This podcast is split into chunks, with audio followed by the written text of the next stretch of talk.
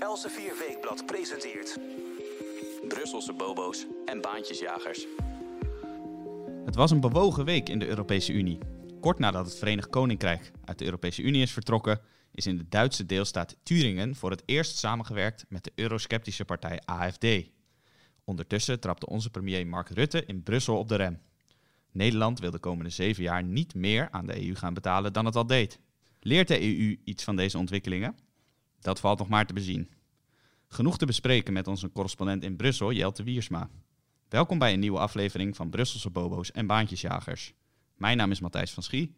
Goed dat u luistert naar een podcast van Els 4 Weekblad. Jelte, welkom. Hallo. Toen wij elkaar uh, vorige week spraken, stonden de Brexit-festiviteiten in Londen voor de deur en jij was daarbij. Hoe was het? Ja, dat was uh, best aardig om uh, bij te zijn. er was een um, feestje op Parliament Square. Dat ligt tussen het Houses of Parliament in, waar het Hoger en Lagerhuis zit, en Downing Street 10, waar de Britse premier woont. En ehm, daar was uh, een aftelfeestje na 11 uur Engelse tijd, 12 uur continentale tijd, om afscheid te nemen van de Europese Unie. Het leek net oud en nieuw, hè? Ja, daar had het inderdaad wel wat van. Goed gezien. Die, het was een soort uh, oud en nieuwsfeestje met een beetje vuurwerken, vlaggen, jolige mensen. Uh, grootste spreker in Londen op Parliament Square was Nigel Farage, de voorman van vroeger UKIP en nu de Brexit Party. En die werd luid toegejuicht. Maar wat me toch wel opviel, is hoe, hoe eigenlijk rustig het verliep. Mensen waren eerder bedeesd dan euforisch, zou ik zeggen. Er was een soort vrolijkheid, een uh, kattenkwaadachtige sfeer, maar niet, maar niet onprettig, helemaal niet zelfs. Wel nuchter. Uh, heel erg nuchter inderdaad. Ja. Er viel geen wanklank uh, te horen. in een aantal Nederlandse kranten stond dat na afloop iedereen de, de, de omliggende pubs in ging. Nou, dat was zeker niet waar, want die pubs die gaan om 11 uur allemaal dicht. Ja. En dat, uh, dus het, was, werd ook geen drankgelach of zo. Uh, um, en uh, het was vrij vrolijk met mensen die dan een beetje kekke Union Jack sokken aan hebben. Maar ook relatief weinig vlaggezwaai toch. Ja, um, dat is bewust en, gedaan, hè? um, Want um, ik begreep dat de Brexiteers toch wel enig respect wilden tonen aan de mensen die tegen Brexit waren. En het daarom niet al te groot wilden aanpakken. Nou, als ik jou zo hoor, dan, dan is dat zeker gebeurd.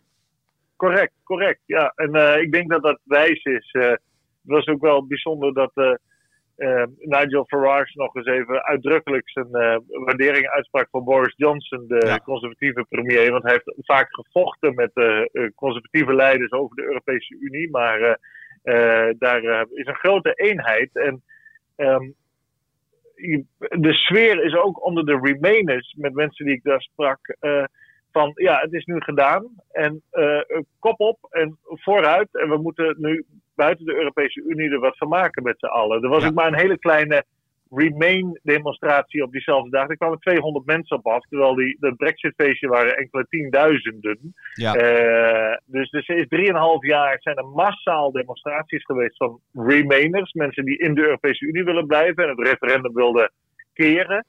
Uh, dat is weggestorven. Dat is weg. Dat bestaat niet meer. Misschien wel aan de salons nog uh, en in de hogere echelons en bij de middenklasse. Maar grofweg is dat weg, zou je kunnen Ja. zeggen. En heeft het land zich verenigd uh, uh, daar rond. Althans, Engeland.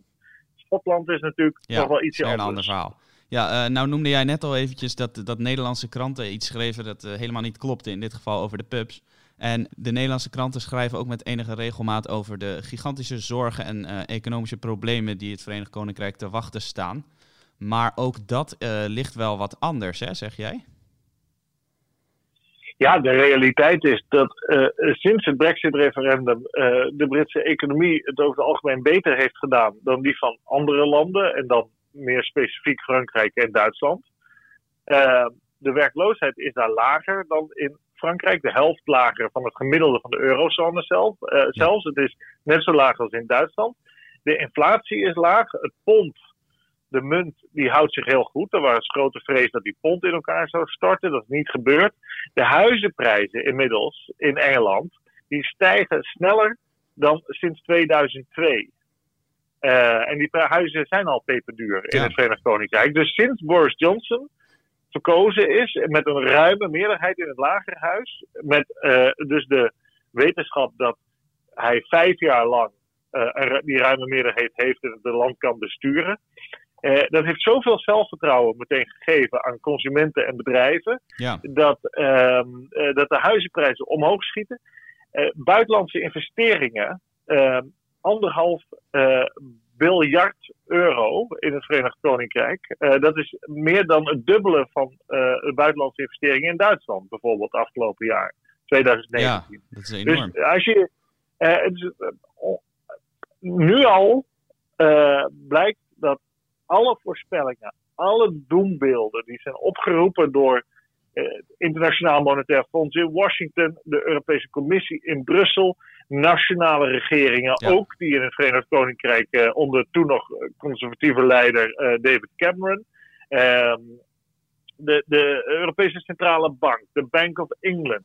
Al die instituten, al die politici en vele journalisten en commentatoren hebben simpelweg onjuist, werkelijk waar onjuist. En ik vind het wel schokkend en, en ook goed om dat aan te geven hoe weinig je die instituties kan vertrouwen in die zin. Uh, die, die doen een slag in de ruimte.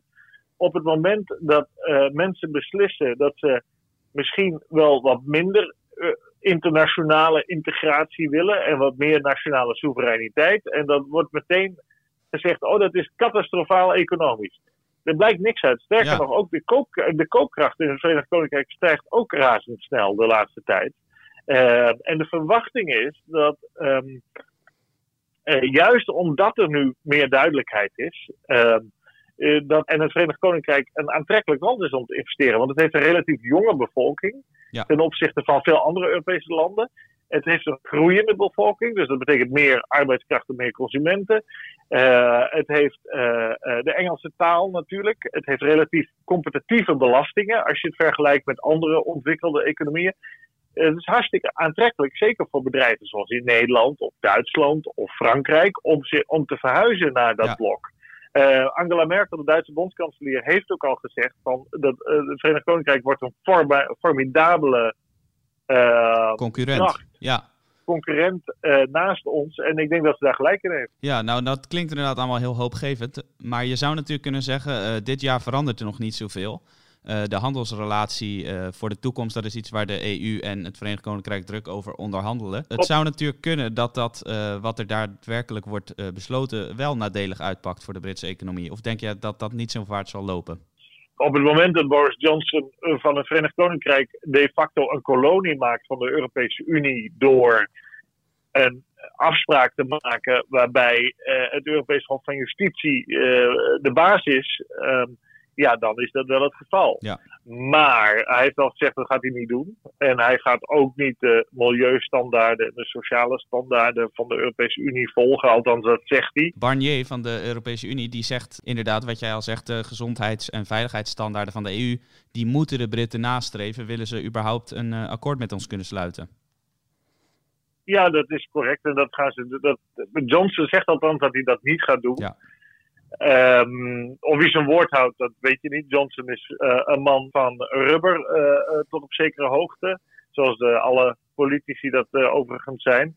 Uh, dus dat, dat moeten we afwachten. Ja. Als paal boven water staat in ieder geval dat Project Fear, werd het wel genoemd in Engeland, een, de angstcampagne tegen het vertrek uit de Europese Unie, dat alles wat daar aan angstbeelden is opgeroepen, volstrekte nonsens is gebleken. En uh, ja, je kan dus een hele klasse van journalisten, politici, economen, politiek commentatoren, eh, kan je toch een draai om de oren geven. Uh, en uh, die mensen hoef je ook niet meer serieus te nemen, want die hebben het gewoon fout gehad. En voor Nederland is het heel belangrijk natuurlijk om te kijken van hoe zich dat gaat ontwikkelen. Want als het zich ontwikkelt op een manier die aantrekkelijk is. Dat hoeft niet. Hè? Uh, nee. uh, het Verenigd Koninkrijk kan er echt een zootje van maken. Ze kunnen allemaal foute beslissingen maken. Dat is allemaal mogelijk. De wereldeconomie kan afkoelen en ook effect hebben uh, op een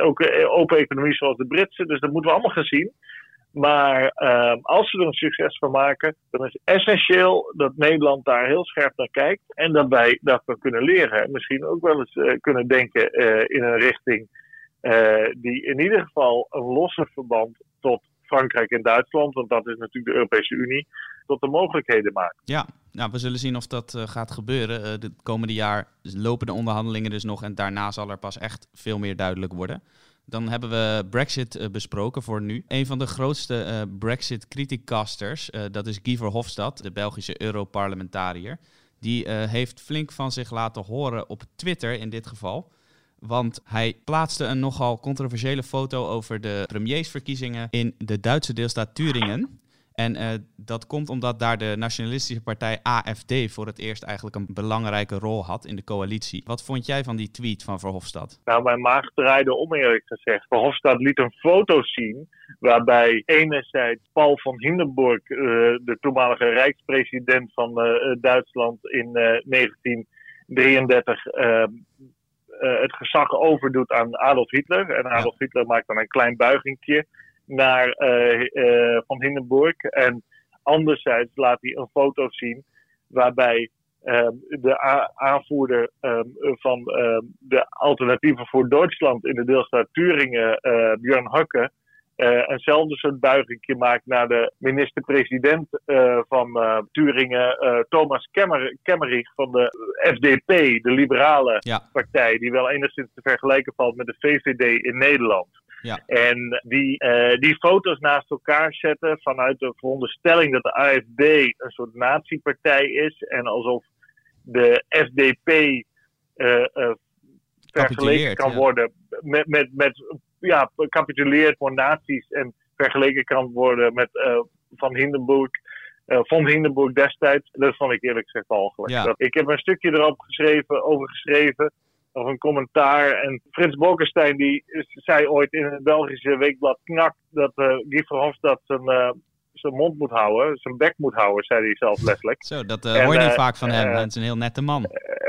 ja, nou, Bolkestein kan wel uit zijn slot ja. schieten op dat gebied hoor.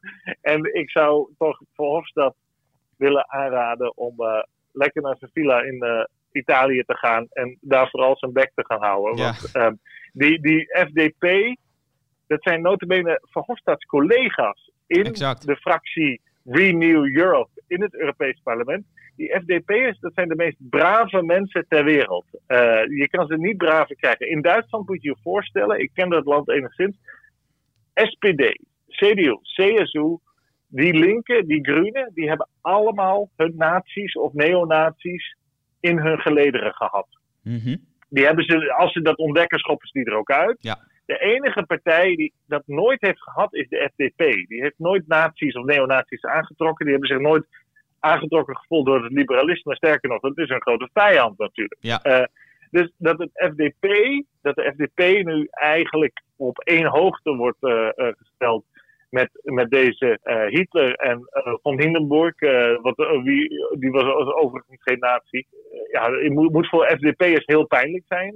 twee, vergelijkingen met de Tweede Wereldoorlog en de Holocaust, die slaan altijd als een tang op een varken. Ja. Want wat je, wat je daarmee doet, is eigenlijk de Holocaust een beetje en de Tweede Wereldoorlog degenereren van het belang en de tragiek en het drama en de, de zwartheid van die episode in onze exact. geschiedenis. De vergelijking is uh, snel gemaakt tegenwoordig. Je, je, kan dat niks met, je, precies, maar je ja. kan dat met niks anders vergelijken. Nee. Dus dat moet je ook niet doen. Dat heeft, is, is zo'n waanzinnig iets geweest. Dat, ja. uh, uh, dat hij dat doet, toont nog ook dat de man geen gevoel voor stijl en smaak heeft.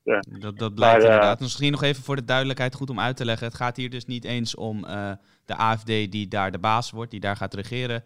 Het gaat om uh, gedoogsteun van de AFD aan dus inderdaad die liberale FDP. En dat is dus niet voor... eens gedoogsteun, hè? Niet eens niet gedoogsteun. Eens gedoogsteun no. Nee, nee, nee, nee, nee. Heel belangrijk. Die, die, die Kemmernich, die is minister-president geworden met de steun van de AFD.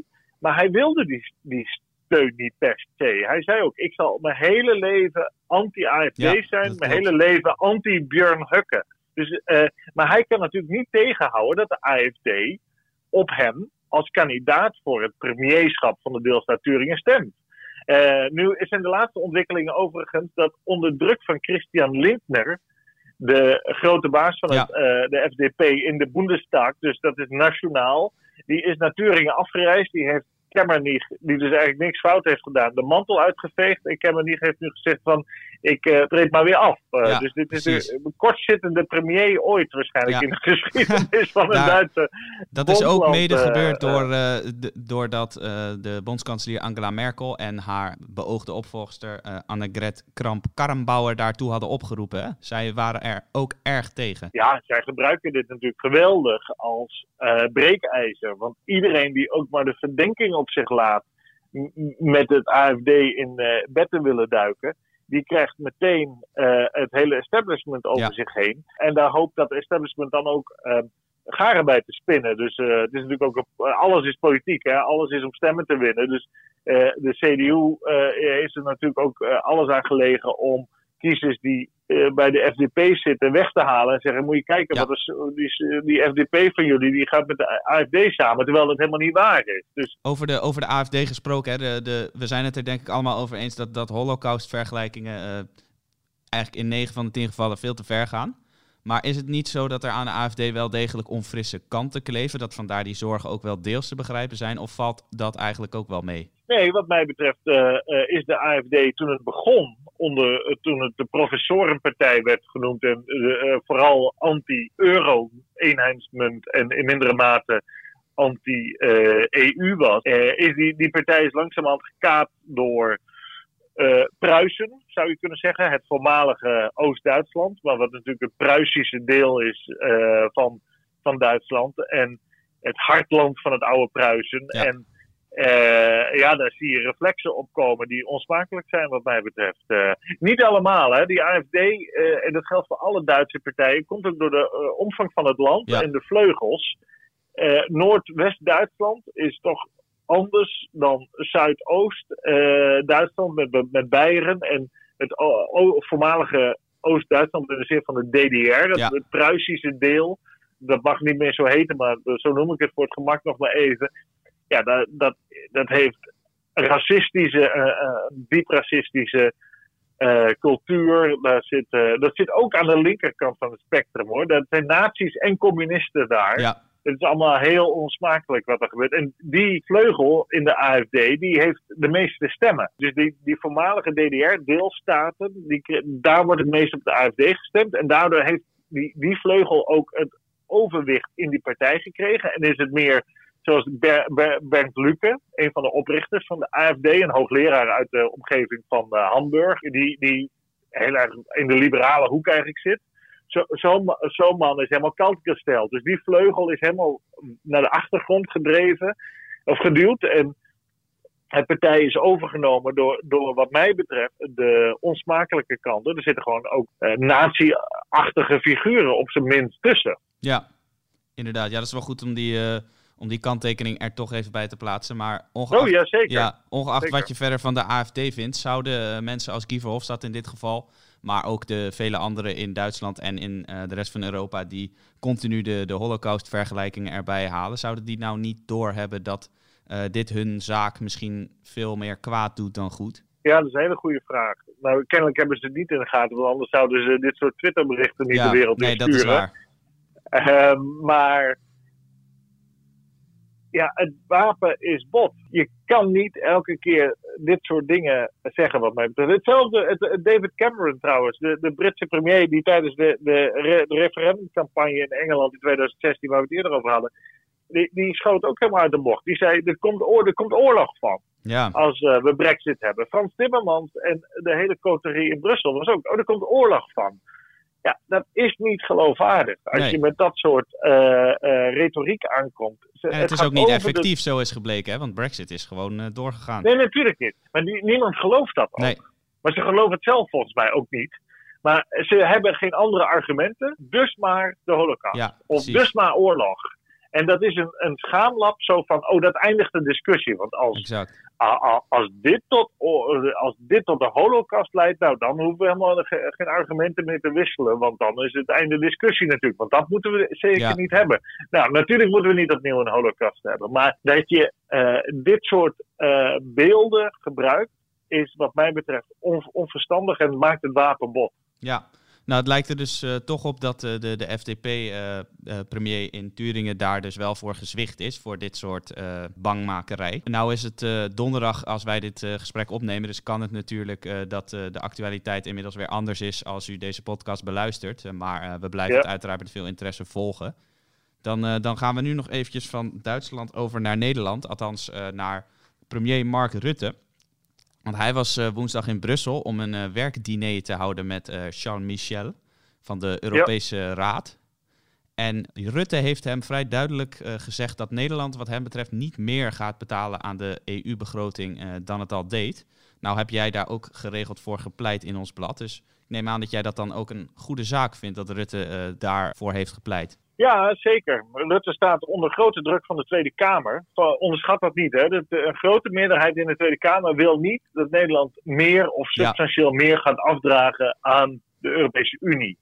Dat heeft er vooral mee te maken dat uh, 70% ongeveer van het EU-budget van 145 miljard euro per jaar gaat naar cohesiebeleid en landbouwsubsidies. En dat betekent uh, grofweg een transfer van rijkere landen, uh, competitievere landen, uh, liberale, li economisch liberalere landen, naar minder liberale landen in het zuiden en het oosten van Europa. Nederland zegt al de hele tijd, daar moeten we allemaal vanaf. Die, al die subsidiestromen, dat, dat is alleen maar goed geld en kwaad geld gooien. En dat is het ook. Ja. Want het heeft ook niks opgeleverd. Hè? Zoals de Algemene Rekenkamer, uh, de Europese Rekenkamer, excuus, elke keer aangeeft, het levert niks op, die, dat cohesiebeleid. En de verschillen tussen rijke regio's en arme regio's worden juist alleen maar groter. Want eh, de armere regio's die maken er gewoon eh, bestuurlijk vaak een potje, een potje van. Kan je ook niet verwachten dat hoeveel geld je daar naartoe brengt, dat het ooit wat wordt. Ja. Nou, uh, Rutte die, die zegt dus uh, onder druk van de Kamer van dat moet allemaal niet. En uh, die wil graag, en dat wil de Kamer ook graag, dat de Europese begroting juist wordt ingezet voor hele andere zaken. Dus niet goed geld naar kwaad geld gooien, maar dat er een Europees grenswachtagentschap uh, wordt uitgebouwd. Uh, dat er in klimaatbeleid wordt geïnvesteerd. Ja, dat er uh, in innovatie wordt geïnvesteerd. Dus ze hebben het elke keer over, we moeten investeren in de toekomst. Dus Nederland zegt eigenlijk, landbouw, cohesie is, is investeren in het verleden. Ja.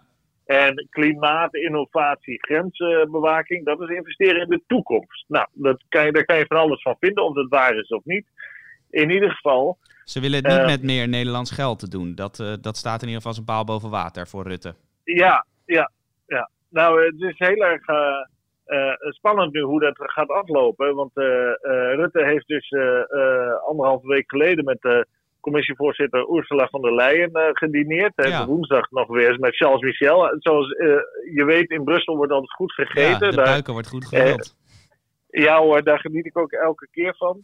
um, wat dat betreft is daar voor Nederlanders heel veel te leren nog in Brussel. Maar op dit gebied zou ik zeggen, is het um, een gevecht dat wel uh, nu een, uh, een, een, een, kleine apotheose tegemoet gaat. Want we hebben op 20, donderdag 20 februari een Europese Raad. Uh, dat betekent dus dat alle Europese regeringsleiders, EU-regeringsleiders, samenkomen in Brussel op uitnodiging van raadsvoorzitter Charles Michel, de oude, voormalige Belgische premier. En Michel heeft die vergadering speciaal uitgeschreven om die regeringsleiders te dwingen tot overeenstemming te ja. komen over de EU-begroting. Nou, dan, dan moet je je zo voorstellen, er liggen een aantal scenario's op tafel. Nu is het zo dat ongeveer 1% van het BBP van de Europese Unie-landen, dus alles wat de EU-landen samen verdienen, eh, economisch, 1% daarvan uh, gaat naar Brussel, wordt in Brussel verdeeld. Ja. Uh, dat is die 145 miljard. Maar de Europese Commissie die wil naar 1,11 procent. Ja, de, het, het Europees Parlement wil naar 1,3 procent. Ja, dat klinkt uh, misschien als niet zoveel, maar het gaat natuurlijk om, om vele miljarden aan belastinggeld. Ja, het gaat meteen om tientallen ja. miljarden. En voor Nederland zou het meteen 50% meer betekenen. Ja. Nou, alleen al het voorstel van de Europese Commissie, 1,11%, zou betekenen dat Nederland van een netto bijdrage gaat van 5 miljard naar 7,5 miljard. Dus er komt meteen. Uh, de helft komt erbij, ja. Bol, Er komt de helft bij. En ja, dan heb je nog het kamp aan de andere kant. Dat zijn Nederland, Duitsland, Oostenrijk, Zweden, Denemarken, die zeggen allemaal van ja, wij willen die verhoging niet. Ja. Wij vinden het wel goed zo. Wij willen juist bezuinigen op landbouw, sociale cohesie. En we willen uit het geld dat daardoor vrijkomt, uh, in die toekomst gaan investeren. Precies. Nou, de Zuid-Europese en Oost-Europese landen zijn daar natuurlijk weer boos Ja. over. En die zijn in de Nu meerderheid. Die zijn in de meerderheid. Wat wel belangrijk is, eh, Frans Timmermans zei eh, Ja. een paar dagen geleden in het Financieel Dagblad eh, dat Nederland zich in de, zelf in de voet schiet op het moment dat het niet akkoord gaat met de verhoging van de EU-begroting. Daar heeft hij wel een klein beetje gelijk in. Ja, Want- dat is bijzonder. Want jij hebt natuurlijk veel kritiek gehad op Frans Timmermans. maar in deze, dat is natuurlijk ook niet direct een uitspraak die veel mensen nou heel blij zal maken. Dat hij eh, weer bezwaar Nee. aantekent. Maar toch, toch heeft hij dus wel, eh, wel deels een punt. Nou, hij heeft een punt in die zin dat op het moment dat Nederland zijn veto zou uitspreken, eh, in de persoon van Mark Rutte, die dat niet gaat doen overigens, Ja. maar, want dat doet hij nooit, maar de, dan blijft de begroting van de afgelopen zeven jaar, 2021, in 2021, blijft doorlopen. En dan zal de Nederlandse korting van 1 miljard euro die wij genieten als land, omdat we al anders excessief veel bijdragen. En dat doen Ja. we nu al, want we betalen al het meest per hoofd van de bevolking. Zonder die miljard korting zouden we dat nog meer doen.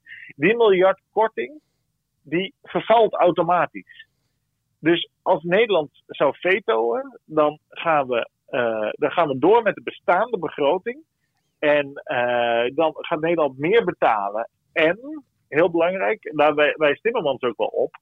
Zuid- en Oost-Europa zijn ook erg boos op de Europese Commissie. Die wil dus wel een verhoging van de begroting. Maar de Europese Commissie stelt ook voor om toch fors te korten op cohesie en op landbouw. Ja. En, dat, en dat ook te hervormen. En dat is, het is wel waar, dat is een, een kans die nu op tafel ligt, zou je zeggen.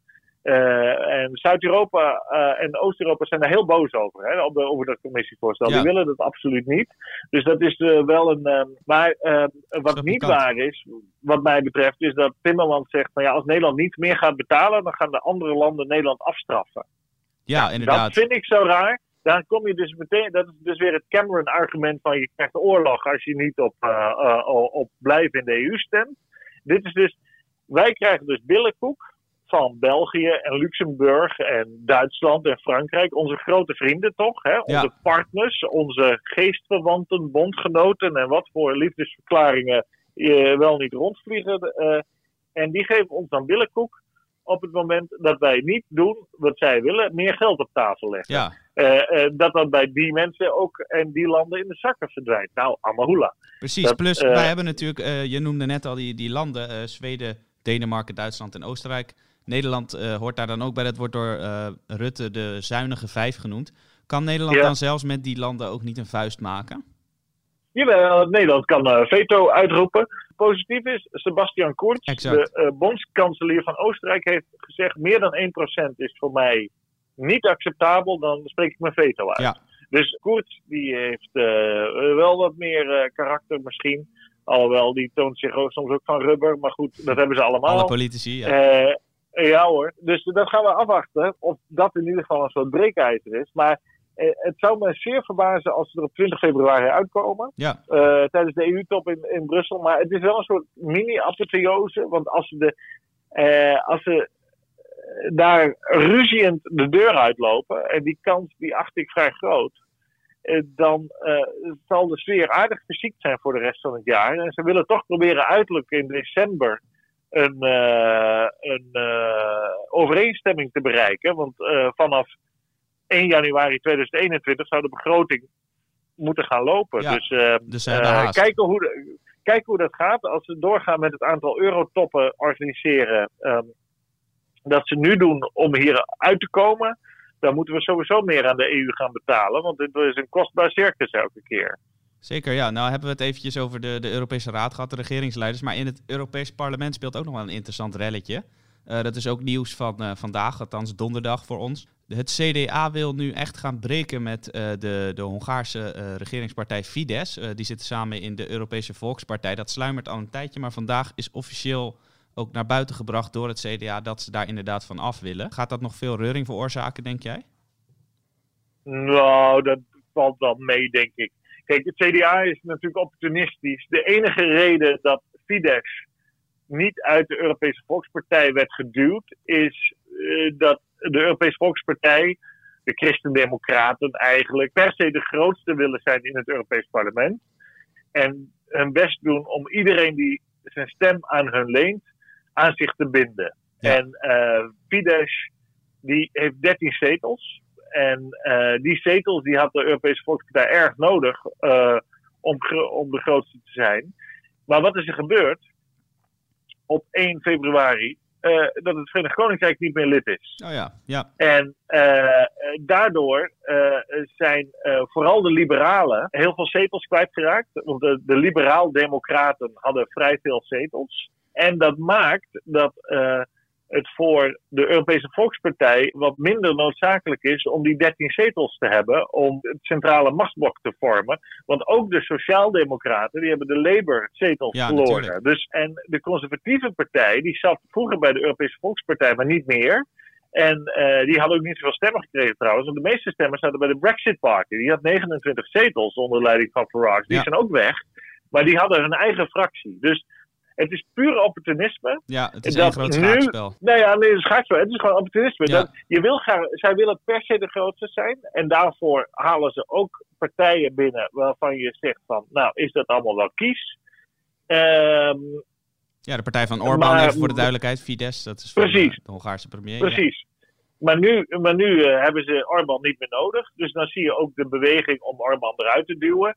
Laten we ook zeggen, er, er is een partij van wijzen aangewezen binnen de Europese Volkspartij. Door eh, eh, voorzitter Donald Tusk, de oud-voorzitter van de Europese Raad en oud-premier van Polen. Ja. Die is nu partijvoorzitter.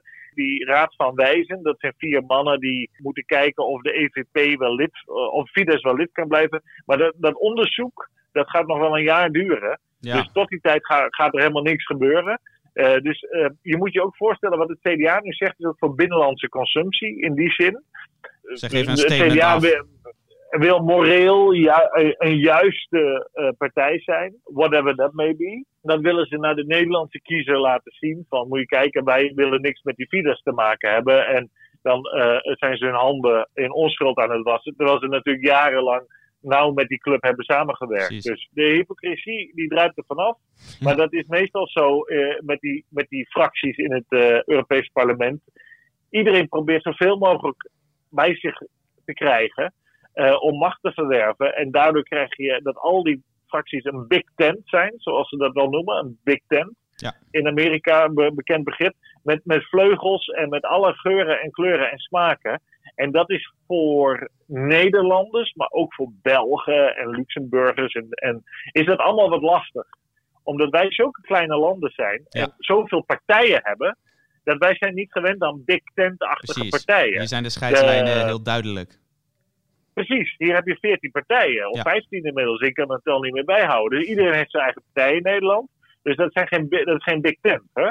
Eh, maar bij, in de EU krijg je, eh, word je eigenlijk gedwongen om eens een big tent te organiseren. Wat wel interessant is, dat er natuurlijk al lang gesprekken lopen om rond Fidesz en bijvoorbeeld Lega een andere club op te zetten. Eh, Lega uit Italië. Met misschien Marine Le Pen, met misschien Wilders, met misschien ook de partij PiS van Kaczynski uit Polen. Ja. Misschien Forum, misschien, eh, Forum voor Democratie wel, want die, die, die eh, eh, zitten nu bij een fractie die heet eh, de Europese Conservatieven en Hervormers, Ja. de ECR. En eh, ja, de- daar staat de Britse conservatieven in. Dat waren de dragers van die club. En die, en die zijn dus uit die ECR. En dan hou je eigenlijk alleen nog de partij van Kaczynski over uit Polen. De conservatieve PiS-partij. En er zijn allerlei gesprekken op achtergrondbasis eh, om, om, om een, een groot, tussen haakjes, nationalistisch, EU-sceptisch blok te krijgen. Want tot nog toe zijn er drie partijen, of vier eigenlijk, die dat, die vleugel eh, innemen. En eh, nou, we gaan zien of dat inderdaad gaat gebeuren. En eh, of Fidesz dan zelf niet opstapt. Want Ja. dat zou ook nog kunnen, dat die op een gegeven moment zelf zeggen van... ik, wij gaan eruit, want we gaan een alternatief blok maken. Maar dat gaan we allemaal zien. Ja, interessant om in de gaten te houden. Volgende week weer. Exact, volgende week. En dan hebben we over twee weken natuurlijk de, de Europese Raad die jij al noemde, waarin de, de Nederlandse bijdrage aan de begroting weer wordt besproken onder andere. Dus genoeg nog om op vooruit te blikken en eventueel op terug te blikken als het weer zo'n drukke en chaotische week wordt als deze. Dus nou, ik, uh, ik zou zeggen, uh, graag tot de volgende keer, want deze podcast bevat weer genoeg om te bespreken. Jelte, hartelijk dank voor deze bijdrage en dank voor jouw tijd. U wil ik ook hartelijk danken voor het luisteren naar Brusselse bobo's en baantjesjagers van Elsevier Weekblad. Mijn naam is Matthijs van Schie. En als u nou meer wilt horen van deze podcastserie of van onze andere podcastseries, gaat u dan naar elsevierweekblad.nl slash podcast of abonneer u via Spotify of iTunes of een ander kanaal op Elsevier Weekblad. Tot de volgende keer.